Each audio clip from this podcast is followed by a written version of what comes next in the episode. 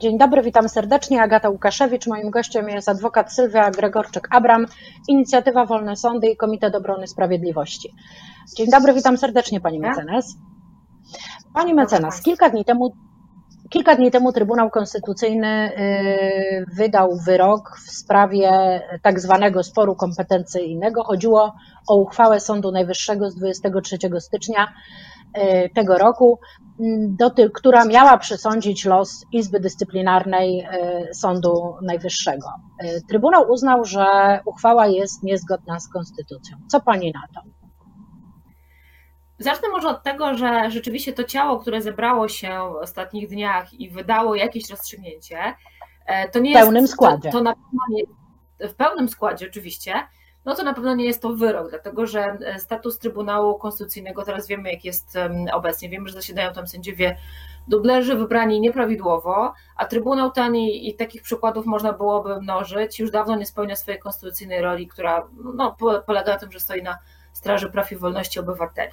To, co orzekł Trybunał, tak zwany Trybunał Konstytucyjny, to rzeczywiście to, że ta uchwała, e, to Państwo e, pamiętacie, to była taka słynna uchwała połączonych trzech izb, która była, i to jest bardzo ważne, konsekwencją wyroku Trybunału Sprawiedliwości Unii Europejskiej. Czyli Trybunał wydał wyrok, dał pewną matrycę, pewne wskazówki i Sąd Najwyższy uznał, że jest na tyle istotne, że trzeba się zebrać w składzie trzech izb i wydać rozstrzygnięcie. I tym się zajmował właśnie rzekomym sporem kompetencyjnym, bo tego sporu kompetencyjnego oczywiście nie było, Trybunał Konstytucyjny, który mało tego, że orzekł, że to jest niezgodne z konstytucją, to jeszcze z konwencją praw i wolności, konwencją ochronie praw i wolności obywatelskich i jeszcze na dodatek z prawem e, europejskim, czyli z traktatem o Unii, czyli bardzo e, szeroko. Zacznijmy od tego, że Trybunał w ogóle nie miał takich kompetencji. Nie miał takich kompetencji.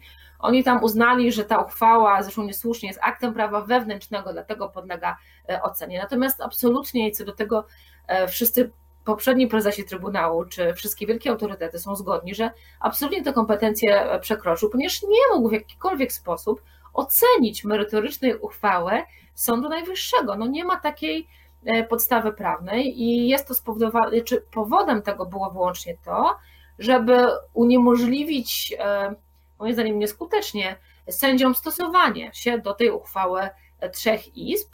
I to jest też dlatego tak bardzo niebezpieczne, dlatego że tak jak powiedziałam, była to konsekwencja e, wyroku, ta uchwała była konsekwencją wyroku Trybunału Sprawiedliwości Unii Europejskiej, więc no wprost Trybunał Konstytucyjny wystawia się też ponad prawem europejskim, co jest bardzo niebezpieczne. I tutaj pan profesor Safian, czyli sędzia Trybunału Sprawiedliwości, już mówił, że to jest o tyle niebezpieczne, że może jakby powodować e, polexit. No nie możemy być częścią wspólnoty, jeśli nasz własny porządek krajowy, czyli organ konstytucyjny, kwestionuje e, w jakikolwiek sposób, pośredni, bezpośredni, to, co powiedział Trybunał Sprawiedliwości Unii Europejskiej.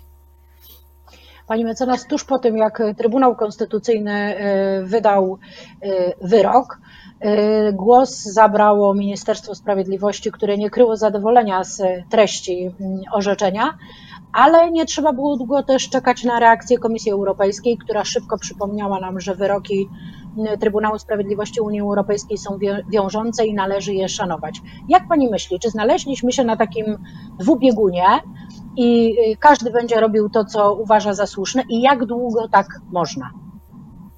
Ja myślę, że nie można tak długo, że Komisji Europejskiej się kończy cierpliwość. Widzimy, że żadne inne państwo członkowskie nie ma e, tylu postępowań, w ogóle większość państw nie ma takich postępowań dotyczących wymiaru sprawiedliwości w danym kraju. A my takich postępowań już wszczętych przez Komisję Europejską, teraz już wiemy, że może, mo, mogą za tym iść kolejne, e, mamy e, już e, kilka i Komisja bardzo wnikliwie obserwuje to, co się dzieje w Polsce. Dlatego żąda nieustannie wyjaśnień, dlatego organizowane są wysłuchania, posiedzenia po to, żeby rząd polski, w tym przypadku teraz spojrzałam zanim tu połączyliśmy się z państwem, pan minister Ziobro, no mógł wytłumaczyć, wyjaśnić, E, co, e, te, te wątpliwości, które ma komisja. Tak jak powiedziałam, no, podważanie wyroków Trybunału Sprawiedliwości Unii Europejskiej jest niezwykle poważnym naruszeniem, dlatego że żadne państwo członkowskie nie może być we wspólnocie europejskiej, jeżeli się nie stosuje do, e, do, prawa,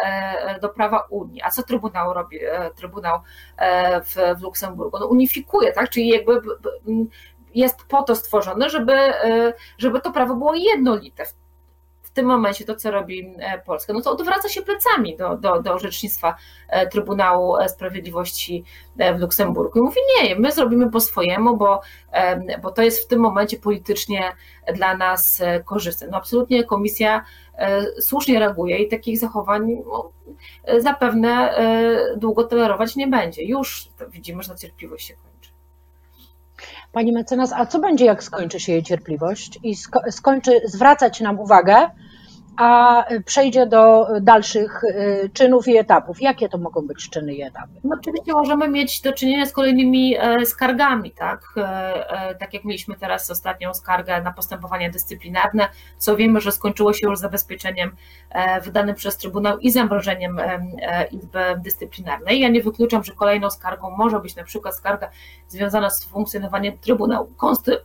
przepraszam, Trybunału Konstytucyjnego, tego nie możemy wykluczyć. Mamy też całe, jak Państwo na pewno słyszeliście, mechanizm, który jeszcze nie został zastosowany e, i nie wiem, jak on będzie stosowany, ale on cały czas jest dyskutowany, czyli powiązania środków finansowych, dopłat ze środków unijnych z e, kwestią praworządności w krajach członkowskich. Tak? No to też jest taka, taki straszak, bardzo zresztą skuteczny, żeby, żeby państwa członkowskie dyscyplinować. Za niewykonanie wyroku Trybunału Sprawiedliwości Unii Europejskiej, do tego też jest oczywiście procedura, ale też e, mogą być kary finansowe. E, a jeśli Izba Dyscyplinarna, bo teraz nie orzeka, no dlatego, że jest epidemia, tak, nie, po prostu to są przyczyny inne niż zastosowanie się do tego zabezpieczenia, ale jeżeli by tak było, że Izba Dyscyplinarna jednak się zbierze i będzie orzekać, to za złamanie zabezpieczenia już sam Trybunał może nakładać no, wielotysięczne kary. Pamiętajcie Państwo, że w Puszczy to było chyba 100 tysięcy euro e, dziennie, więc to są kary naprawdę bardzo dotkliwe. E, e, czasami te procedury unijne wymagają czasu. One, jak Państwo też zauważyliście, jest wiele takich, co może tak z boku trochę niepokoić, ale to jest właśnie taka transparentność i, i wchodzenie w proces przez Unię Europejską taki dobrze zaplanowany, że ta kraje członkowskie mają bardzo dużo szans, żeby wyjaśnić, tak? czego przykładem na przykład jest dzisiejsze posiedzenie, e, dwa miesiące przed każdą, czy miesiąc przed, przed złożeniem skargi, możliwość wyjaśnienia, to wszystko trwa, także rząd polski ma tę okazję, żeby to wyjaśnić, ale absolutnie nie to, że z jej nie korzysta, to w wielu przypadkach no, mija się z prawdą, tłumacząc się e, Unii Europejskiej. Nie dziwnego, że cierpliwość się kończy. Pani mecenas, Komisja Wolności Obywatelskich Parlamentu Europejskiego zebrała się dzisiaj, żeby podyskutować o praworządności u nas. Jak sprawdziłyśmy przed wejściem na antenę, głos zabierał e, minister Zbigniew Ziobro, który został zaproszony do, e, do tej dyskusji czy debaty. Proszę mi powiedzieć, co ta komisja może zrobić? No ta komisja, jak rozumiem, jest e, po to, żeby teraz wysłuchać i, i zdobyć informacje. Ja rozumiem, że może potem formułować różnego rodzaju konkluzje, wnioski, e, rezolucje tak, do na przykład Parlamentu e, Europejskiego, e, które no są alarmujące czy, czy wzywające do, do różnego rodzaju sankcji wobec krajów członkowskich. No trudno mi powiedzieć jeszcze, co się tam wydarzyło, bo ona chyba trwa 20 minut dopiero, ale, ale zapewne po to jest stworzona, żeby parlament mógł ponownie zresztą zająć się kwestią praworządności, tak jak się już zajmował kwestią praworządności w Polsce czy, czy na Węgrzech. Widać, że w czasie pandemii, y, mimo że y, mamy ważniejsze problemy na głowie, zresztą podobnie jak i cała Unia, a w zasadzie cały świat, to i tak ta praworządność nie zeszła na dalszy plan. Może jest trochę o niej mniej, ale, ale jednak y, nie zarzucono w ogóle tego tematu. Pani mecenas, wejdźmy na podwórko nasze krajowe. I przenieśmy się do tematu Sądu Najwyższego. Y, od kilku dni atmosfera wokół Sądu Najwyższego zrobiła się znowu bardzo gorąca.